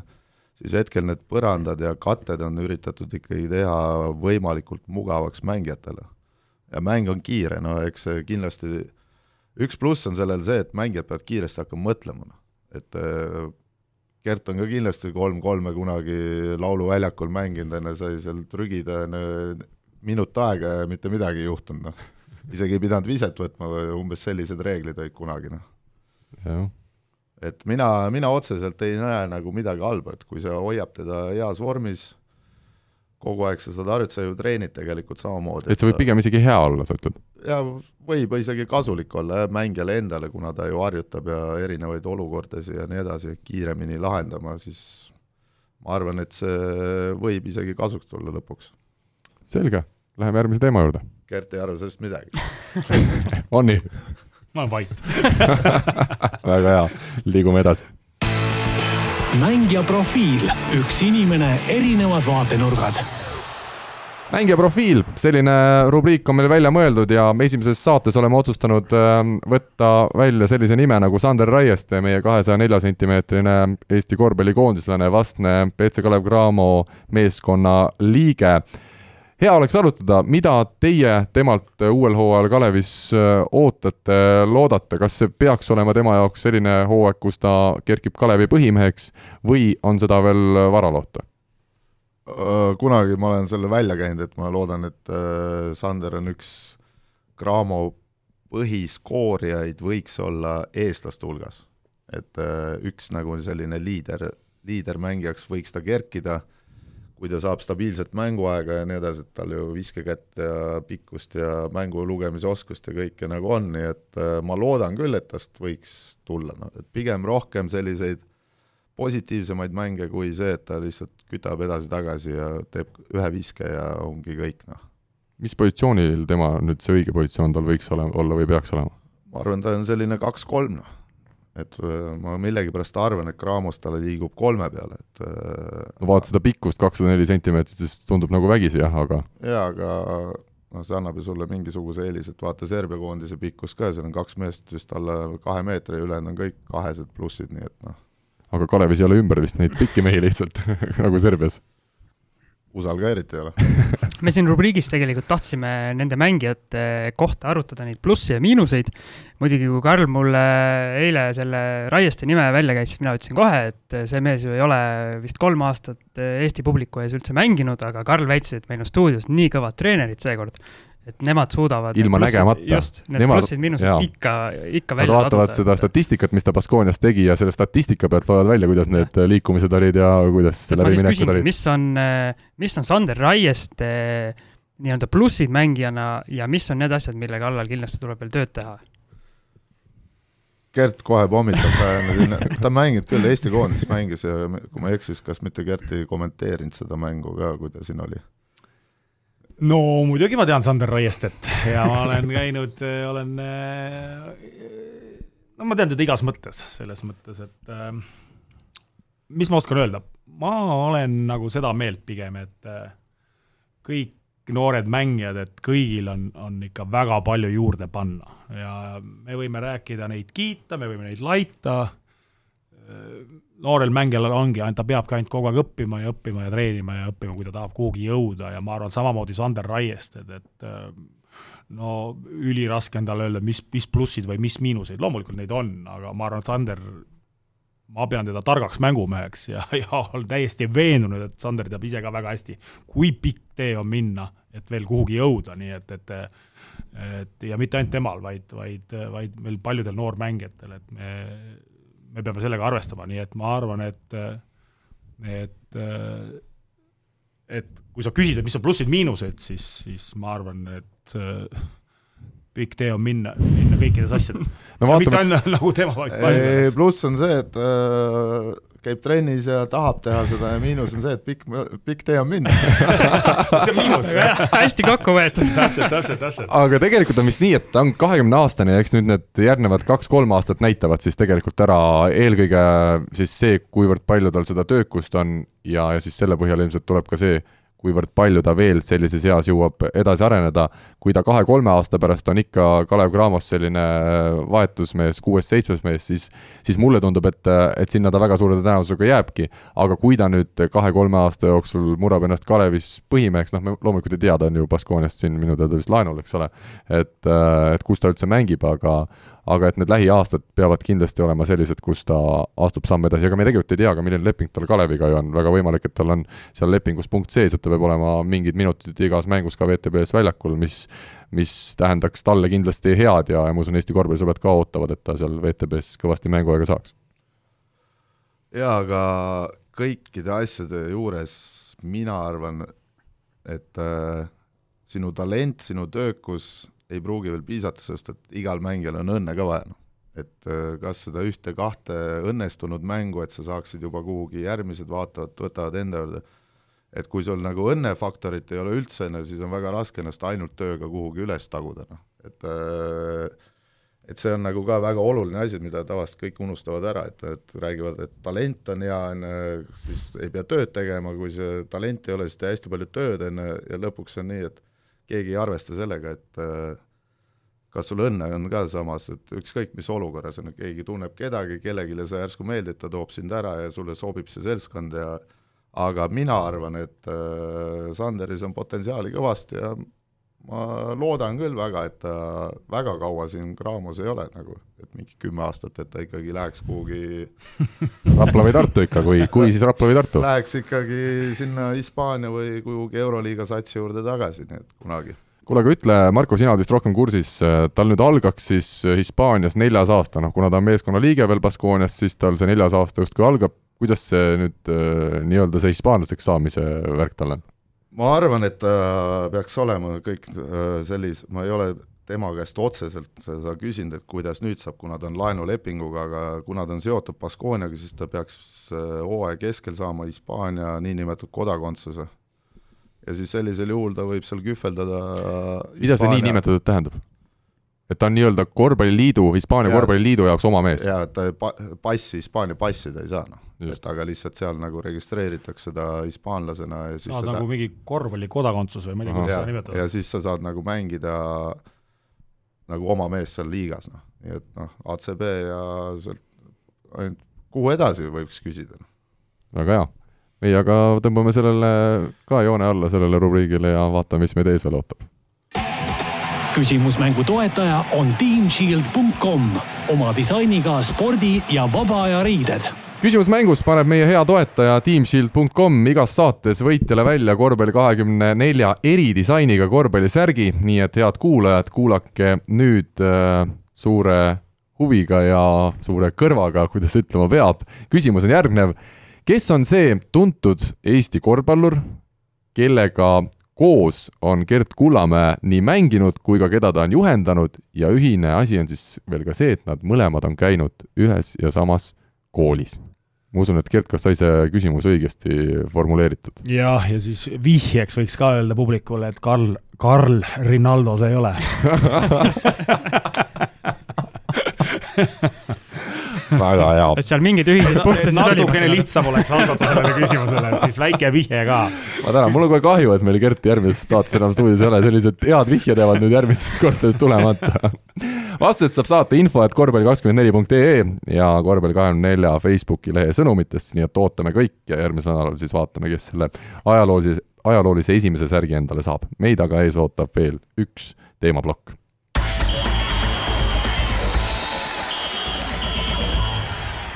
Eesti meistriliiga uus hooaeg on siis käsile jõudmas või kuidas peab ütlema, Eesti-Läti ühisliiga hooaeg ja võib öelda küll, et eh, nii nagu naabritele kombeks ikka väga hästi minnakse peale, viisteist võistkonda, võib öelda seitse pool Eestist, seitse pool Lätist, kui me Valga, Valka paneme pooleldi siia, pooleldi sinna. Eh, minu küsimus on eelkõige Kalev Cramoga seotud, kas Kalev tänase päeva koosseisu vaates on ikkagi selge selles suhtes meistritiitli kandidaat on, on ta niikuinii, aga kas siin ei ole küsimustki, nad tulevad meistriks või on siin, äh, on siin teised mehed natukene nii-öelda võrreldes eelmise hooaega lähemale tulnud? ma kui rookie panen ära, et nagu eks hooaeg näitab kuule, kõigepealt tulgu ja võitku TalTechi. ja siis hakkasin rääkima mingitest asjadest ja me ei hakka küll neile midagi kinkima. ma siin hoiatasin, ma siin hoiatasin Karli, et me peame alustama juttu TalTechist et äh, siin on sa äh, räägid siin Kalev Cramost meistritiitlist Alloori, et mis aha. mõttes, et siin äh... meistriti, meistritiitli kandidaat number üks, TalTech, alustame siis no, äh, uuesti seda plokki. mul on kohe küsimus, et äh, olen kursis, et TalTech läheb äh, pikale reisile aa ma mõtlesin, läheb loojangusse. ei, TalTechi siis korvpallimeeskond läheb pikale reisile, et kas see on sellepärast üles ehitatud, et mängida peale MM-i nende riikidega siis sõprusmänge ja valmistuda hooajaks või? Nojah, et kui sa sellele vihjad sellele pikale reisile, mida me plaanime, siis, siis ikkagi kuhu te lähete, Lätti, Leetu? Lätist kaugemale? Lätti jah, et äh, lähme laagrisse Lätti eh, tõsiselt rääkides, siis äh, jaa, ma ei saa sinu sõnadel praegu kinnitust, sest ma ootan, ootan lennupileteid, et äh, ma ei, ma ei saa kinnitada enne, kui, enne kui asi kindel ei ole, siis meil on tõesti plaanis, on TalTechi meeskonda alustada hooaja ettevalmistust natuke teistmoodi kui tavaliselt kas kõik laabub nii, nagu vaja, selguvad võib-olla tundide ja päevadega, nii et ma ei saa kuidagi sulle praegu siin öelda, öelda jaa või ei, kuhu me lähme või mida ei lähe, aga, aga aga oota, kus, mis see küsimus oli üldse? ma küsiks üldse vahele. Markol ei ole küsimusi. Need sõprusmänge MM-tiimidega. jaa, jaa, jaa. ma küsiks hoopis niisuguse asja, et sul on nüüd, ma saan aru, neliteist meest on komplekteeritud suhteliselt varakult enne hooaega. mis tunne on niimoodi, et sul on kõik mehed käes, saad trenni teha kui ma ei eksi, siis teil on üks äh, välismängija, kes enam pole ka justkui nagu väga välismängija, et vist kas kolmas hooaeg on Levi Martin Kiisel algamas siin Eestis, et äh, et mis tunne on sellise kusjuures eesti, isegi eesti keeles ütles selle nime minu arust, Levi Martin, mis Kiis, et on ju Eesti mees põhimõtteliselt ju. nii mis tunne on, kui sul on neliteist meest ah,, Marko tahtis midagi vahele? ei, siin on see legendaarne ajakirjanik. mis tunne on? mis tunne on? vot see on siis, kui see, see siis kui ei tea, mida küsida. pärast mängu paned mikri ette, küsid treenerilt pärast kaotust, mis tunne on? mis, ma oskan öelda ütle, mis tunne on. ei no tunne on, tunne on, tunne on väga hea, noh, ega noh, räägime asjast, eks ole, räägime asjast, et ega ma ei ole väga näinud neljateist meest trennis, et selles mõttes, et äh, olgem nüüd, olgem nüüd ikkagi realistid ja ausad, et me ei ole ju, TalTech on ikkagi, ei ole ju klassikaline profiklubi ja ja see on ikkagi klubi, kus tulevad mängijad, kes äh, tahavad paralleelselt äh, oma meelispordialaga ka õppida, eks, ja ja sellest tulenevalt on, on siin hommikused koolid ja asjad ja, ja, ja noh, mida iganes, mina sukeldusin ju ka mõnes mõttes nagu täitsa uude maailma, et ma ei ole sellise või seda, ütleme, sellist, kuidas ma siis ütlen, sellise formaadiga või nišiga klubiga jah. nagu ennem töötanud, et äh, kui Tartu Rock oli, siis olid kogu aeg sul käes nii-öelda profimängijad, sellel ajal olid veel profimängijad, on ju. noh, nüüd on ka Tartu läinud ju seda teed, et võtavad üliõpilasi ja õpilasi ja noored poisid ja täitsa hoopis uus visioon ja hoopis muu asi, eks. enne, eelmine aasta või Tallinna Kalevis oli, olin ma olukorras treenerina, kus mul olid äh, mehed, kes käisid tööl ja siis mõned äh, profid, välismaalased, eks ole, noh, nüüd on et mõnes mõttes nagu jälle uus olukord treeneri jaoks, et et vaatame, kuidas see, kuidas, kuidas nüüd sellises olukorras nagu treenerina hakkama saan ja, ja kuidas mängijad, et täitsa uus olukord, nii et sellepärast ma ei, ei ütlegi, et aga meil on tõesti neliteist nime on kirjas mm,, enamus praktiliselt võib öelda, on ju, kes, kes õpivad kas siis ülikoolis või siis ähm, mõned noored poisid käivad veel koolis ja siis on Gregor Arbet, kes siis on kes nagu õpib, dinosaurus nii-öelda, kes siis õpib eluüli, ülikoolis. ja, ja, ja et selline tiim ja väga positiivne punt on siiamaani, ma usun, et mind on hästi vastu võetud, ma usun, et äh, mm, praegu on küll nagu hea klapp ja kõik on nagu, eks mängud näitavad, kuidas me siin hakkame, hakkame, hakkame asja, asjadega pihta millalgi. kaua te olete koos trenni teinud? No meie võtsime esimest korda kokku siin, mis oli augusti, kas oli kolmas august või, nii et eh, nüüd täna, täna seisuga läheb viies nädal meil ja tõesti, et, eh, et eh, mingid plaanid meil siin on, et nüüd see nädalavahetus mängime esimesed kontrollmängud Kadrinas, kaks mängu. no kus siis, siis mujal, eks ole, tänaval? ülejäänud kontrollmängud sõltuvalt siin teatud, teatud nüanssidest oh. meil, et ma ei tahaks seda praegu siin siin veel, veel see ei olegi võib-olla kõige olulisem info. kindel ja, ja, ja pole mõtet kunagi ennem kirjada, kui,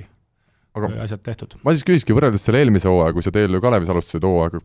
kuivõrd erinevad need ettevalmistused on olnud, kas nüüd äh, TTÜ-s, arvestades seda, mis mehed sul seal käsil on, on ikkagi see asi natukene professionaalsem ja tõsisem või vastupidi, TLÜ Kalevis olid äh, rohkem,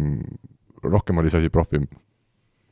No ei, no vot ikka, kui sa ju lähed kuhugi organisatsiooni tööle treenerina, siis sul on ju mingi oma visioon, kuidas sa tahad, et su meeskond hakkab toimima ja, ja, ja tööle ja neid sa proovid, seda proovid enda käe järgi hakata siis nagu nagu, nagu tegema, noh, et, et mingisugune mudel jääb sul ju niikuinii samaks, nüüd on küsimus, kes on su abimehed ja, ja millised võimalused on mängijatel käia hommikustes treeningutes, millal õhtustes ja nii edasi, et nende nüanssidega pead nagu, nagu arvestama ja, ja, ja ja mis ma nagu eraldi tahaks välja tuua, on, on treenerina just see, et äh, tohutult hea on töötada sellises baasis, nagu on TalTechi korvpalli see, ütleme siis, ma ei oskagi öelda, spordihoone või? väga vinge värk tegelikult, no ikka väga vinge värk. näed võrkpallurid iga päev, eks ole? Äh, no see on, see on asja miinus. Kummad teil enne saavad aegu valida trennideks? ei no ei, me saame ikka hästi läbi, võrkpallimehed on ka väga okei vennad seal kõik ja meil on, meil on väga hea seal, aga ma, mida ma tahan öelda, on just see, see et baasid äh, siin Mustamäe mändide vahel on niisugune tore spordibaas ja ja, ja väga mõnus keskkond treenimiseks äh, korvpallialaselt, äh, ma ei tea, mis puudutab üket, meditsiini pool väga okei, väga head abimehed töötavad selles majas no Sütiste mets on sulle lapsest saati ja, ja, tuttav. ja, ja väga hea keskkond, kus tööd teha korvpallitreenerina, et selles mõttes ma jällegi, ma ütlen, et äh, ma usun, et mul on vedanud, nüüd ma pean ise olema treenerina mees ja seda asja hoidma, et äh, tänu Rait ja Raido mind sinna kutsusid, sinna klubisse seda meeskonda vedama, mina võtsin selle väljakutse vastu ja praegu küll olen, olen väga-väga rahul, et, et selle, selle otsuse tegin. ma ikka puudutaks natuke seda koosseisu ka, et sa tegid teoks selle lubaduse, mis sa ühes intervjuus eelmine hooaeg eh, pooleldi lubasid, et sa tõid nii-öelda Kadrina karudest tõid ikkagi ühe mehe kaasa, et Sentry Rait Tammeti tõid sa nüüd meistriliigasse. aga siis on niisugune mees tagasi kõrgliigas nagu Sten Olmre, kes on siin, eh, ütleme nii, et eh, lõpetas karjääri justkui nii-öelda tipus pärast seda suurepärast koondise mängu. et äh, räägi natuke konkreetselt meestest ka, et mis vormis on Olmre ja kuidas on need äh, nii-öelda noored, kui palju sa tahad neile aega anda ja, ja muidugi Leemet Pökler ka, endise nimega Loik siis, et äh, tema tõid ka justkui kaasa oma eelmisest tiimist. oh, ma ei tea, see on nii pikk, pikk küsimus, ma pean hästi pika vastuse kandma, ma ei tea, kas on kuulajal aega kuulata, On. teil igav ei hakka. ma sain just kõrvadesse see sõnum, et on. aga no tõesti, nagu noh, neliteist meest meil on, need mehed, kes sa nimetasid, need erinevatel põhjustel tulid ka meie, meie, meie klubisse, kellega ma ise võtsin ühendust eh, suvel, pakkusin välja, et, et tulge ja, või tule ja ja, ja mõnele veel sai öelda, et tema ei saanud või ei, ei tahtnud tulla. noh, kes mind teavad, tunnevad, et äh,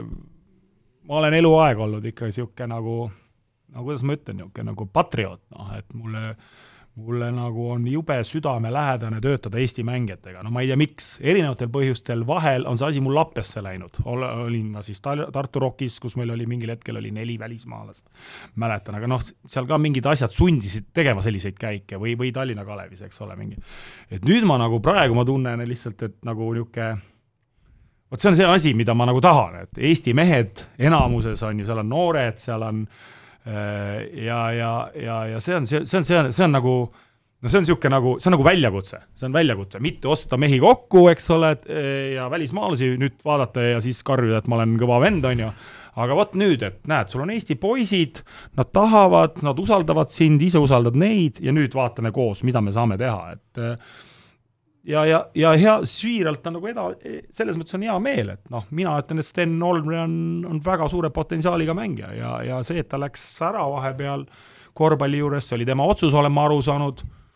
nüüd tegi otsuse, et äh, on valmis tagasi tulema. sina kutsusid ta või kuidas, kumba pidi see käis? ma ei saa öelda, et mina otseselt kutsusin, kuidagi nii läks, et, et ta oli, oli mingil hetkel tagasi, arutasime klubis ja mina ütlesin, mina hea meelega näen teda meeskonda, kui ta on valmis tulema ja esimesed viis, viis kuud on, viis nädalat on näidanud küll, et mees on imuga asja kallal, nii et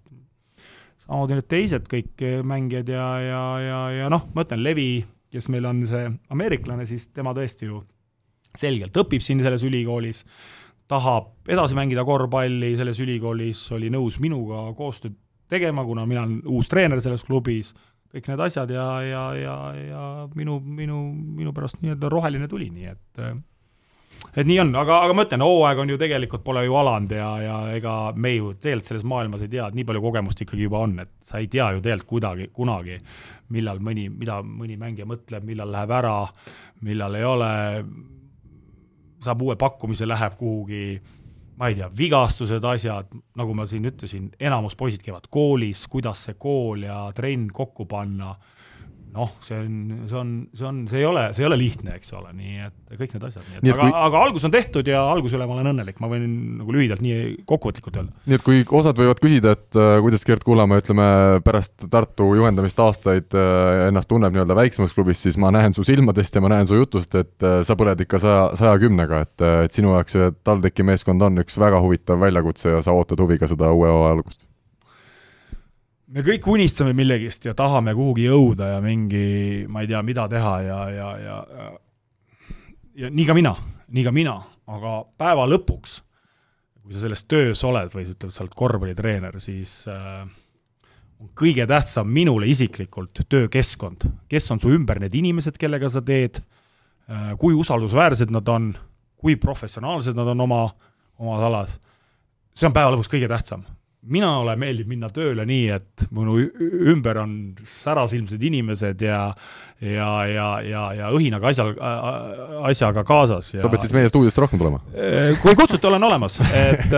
et ja see on, see, seda mulle TalTech pakub ja, ja sellepärast ma seal olen ja, ja hakkame koos tegema ja, ja vaatame siis, võib-olla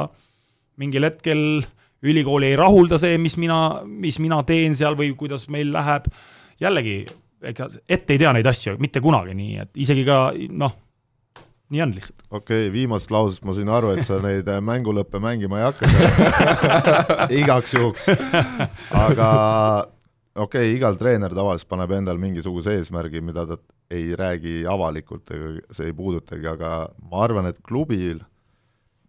ja ka sul on üldine eesmärk ka, noh, noh kas või võrreldes eelmise aastaga või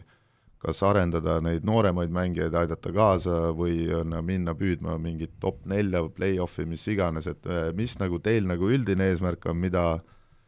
võistkond teab, mida võib ka nagu avalikustada? et mitte, mitte nagu see, et noh, ma tahaks mingi liiga ära võita, kui treener mõtleb seda oma pead või arutatakse kinnisringis, nii et mängijad ei tea ja nii edasi, no siis see ei puutu asja, aga nagu üldine, mille, mida ei pea nagu saladuses hoidma. no ega siin ei olegi midagi salatseda, mina arvan, et äh, või mulle on tehtud selgeks, et, äh, et äh, TalTechi meeskond sellisel kujul jääb ikkagi selliseks meeskonnaks, kus tulevad mängijad, kes on, kes on ja valmis panustama õppimisse ja korvpalli. et see on, see on selle meeskonna idee nišš aastaid olnud, minu minu tulekuga ei muutu selles mõttes, et mina võtsin selle enda teadmiseks samamoodi kaasa, et eh, ma olen sellises olukorras, kus minu käe all on sellised mängijad, kes, et eh, see ei ole see meeskond, kus sa tuled ja tood kaksteist proffi, kus sa tuled, ostad kuus välismaalast, muideks see esimene trenn, kui ma läksin äh, suvel mitte, mitte isegi, see ei olnud esimene trenn, kus ma läksin majja ja nägin sellist Eesti korvpalli korüfeed nagu Heino Lille ma loodan, et ta ei pahanda, kui ma talle sellise loo räägin või selle loo siia praegu räägin. ja, ja siis vaatasin, Heino Lill mängis Pinksi seal. Ja siis läksin ja siin, no tere, Heino, et ma nüüd olen ka selles majas siin tegev, et tead, ja siis selle peale ütles Heino, et oi sa kurat, nüüd hakkab vist küll kõvasti neegreid siia tulema, siia võistkonda, ma ütlesin, miks sa nii arvad minust, et kas sa siis mind ei tunne, on ju et ähm, et ei hakka ja, ja ei ole, ei ole mingisugust asja, et TTÜ on väga selge nišš, mis nad on välja öelnud, see on väga õige, hea nišš, ma arvan, ja, ja nüüd on ükskõik, kes seal treener on, selle, selle teha nüüd on, et kuidas sellega nüüd nüüd nagu hakkama saada, selles mõttes, et ka mina pean ju te-, treenerina nagu teadvustama endale, et need mehed, kes siin mängivad, need mehed peavad hoidma asju koolis korras ja nad peavad ka korvpalli mängima ja nüüd loomulikult ma treenerina tahan võimalikult hästi seda teha ja pühendunult, aga ma pean arvestama treenerina ja ma usun, et see võiks nagu mind treenerina ka natukene kasvatada või natukene jällegi nagu teises nagu panema te teatud asju teistmoodi mõtlema. Play-off tuleb? peab tulema peab tulema, et ongi äh, vastus olemas. kas TalTechiga või ilma ikka tuleb? jah, jah, jah, et no ei ole ju Siililegi selge, et äh, keegi ei lähe ju kaotama mänge ja, ja, ja, ja selliseid klubisid, nagu meie oleme, on Eesti-Läti liigas veel ju tegelikult, lätlastel endalgi on ju veel kas Läti ülikool, eks ole, ja, ja, ja noh, meil siin Eestiski on nii, et muidugi, kaotame mingil juhul ei lähe, nii et ja, ja no eriti magus oleks Kalev Cramole üks nähvakas panna. ainult üks Te no, mängite mitu korda minu arust see hooaeg. et äh, jah, et äh, saad mitu võimalust. mul on Stelmachersiga head suhted, selles mõttes ma olen teda küll ja küll pannud talle, nii et räägime hooaja lõpus uuesti siis saab peale igat mängu rääkida, nagu türklased eile rääkisid, et äh, et no järgmine kord, noh. jah, ja, ja, ja, ja, ja. kui see järgmine kord tuleb aga liigume natukene nüüd TalTechist edasi. ei, ei liigu veel. ei liigu edasi ei, ma tahtsin küsida, mis seis on Gregor Arbet tänasel päeval, kui ta, kui palju ja kui tõsiselt ta korvpalliga tegeleb, see on tal ikkagi selline põhivärk? no ma usun, et ta ikkagi mõtleb selgelt ikkagi lõpetamisele, ma usun, et et äh, tal on töökoht ja ta käib ju nii-öelda põhikohaga tööl ja, ja õhtuseid treeningutel siis, kui on olemas, on olemas. et hommikul ta teeb ise siis? jah, jah, jah, et see on tema niisugune, aga, aga selles mõttes mul on hea meel, et ta on pundis, selles mõttes, et arvestades just seda, et meie võistkond, noh, meil on ka võistkond, kes saab seda lubada, et meil selline mängija on, et et noh, kui oleks tõeline nagu õige profimeeskond nii-öelda, kus on noh, siis, siis oleks see, noh, siis ei saaks sellest rääkida, et keegi ei käi hommikul ja siis õhtud ka mõned ei käi ja mõned ei saa, et noh, me peame arvestama sellest, et ja mul on hea meel, et mul on hea meel just selle üle, et nagu need nooremate meeste suhtes, kes on Leemet, eks ole mm,, Ojamäe, noor poiss, kes meil nüüd on, teeb esimesi samme, proovime ta sinna sinna meistriliigasse ka saada, et minuteid, et, et noh, Arbet võiks olla nendele ikkagi väga selgelt just noh, ütleme selles eas sa ei ole enam maailma kõige kiirem mängija, aga, aga samas sul on, sul on palju noorematele anda, et äh, ma usun, et noored, kui oskavad ja tahavad, siis on palju õppida Arbetilt ja ma ütlen, Gert, et kuna sa olid nii lahke ja tulid meil esimesesse saatesse, siis ma kohe ütleksin selle asja ära, et kui sul on vaja kahte tagamängijat, võistkonda head, kes mm -hmm. on Optibet rahvaliigas ennast eelmisel aastal tõestanud siis ja... ära siit stuudiost otsigi ja ühte tubli treenerit, kes noortega tegeleb ja, ja Arbetiga veel era, eriti palju, et siis sa tead, eks ole, alati, et ja, kui, kui on neli, neljateistkümnest hakkab ära kukkuma, et siis me oleme ka lähedalt siit Manta majast tulemas. aga ma siin Gregorist äh, veel puudutaks seda, et minule jäi eelmisest hooajast niisugune mulje, et äh, kui ta Kalev Cramos, tal oli väga pikk vigastuste ajalugu, ta oli kogu aeg, oli katki. Ja mulle tundus eelmine aasta, et kui ta ilmselt need treeningmahud nagu nüüd alla toodi, siis ta sai mängida kõrgeid minuteid, püsis tervena ja oli nagu isegi võib-olla natukene nii-öelda särasilmsem seal väljakul, et no mis ma oskan vastata, minul on olnud Gregor Arbetiga eluaeg väga, väga, väga aus ja, ja otsekohene nii-öelda touch ja, ja nii palju, kui ma tean teda ja me oleme need asjad omavahel sirgeks rääkinud või konkreetselt juba, juba suvel rääkinud, et äh, Gregor Arbet ei pea olema mitte mingisugune mängija meie klubis sellel hooajal, kes mängib hambad ristis kolmkümmend pluss minutit, ma ei näe sellel mitte mingisugust pointi ei, ei Gregori tulevikku silmas pidades, meie klubi silmas pidades ja meie noorte mängijate tugevus. Gregoril on väga kindel nišš meie klubis, ta teab seda ise äh,, ja nii on ja, ja ma usun, et, et, et, et see nii saabki, saabki toimima. ma usun, et Gregor on nii kogenud mees, tema on oma asjad juba nii-öelda Eesti korvpalli jaoks ära teinud, et et loomulikult tuleb mänge, kus, kus tal on palju minuteid võib-olla, aga ma olen täitsa veendunud, tuleb, tuleb mänge, kus tal on ka neid minuteid hoopis, hoopis vähem, nii et aga need on asjad, mis on meeskonnasisesed ja värgid ja aga aga kui sa nii küsid, siis ma arvan, et meil ei teki mingit probleemi Gregor Arbetiga nii, Eesti liigast me jõuame tulevastes saates veel pikemalt rääkida,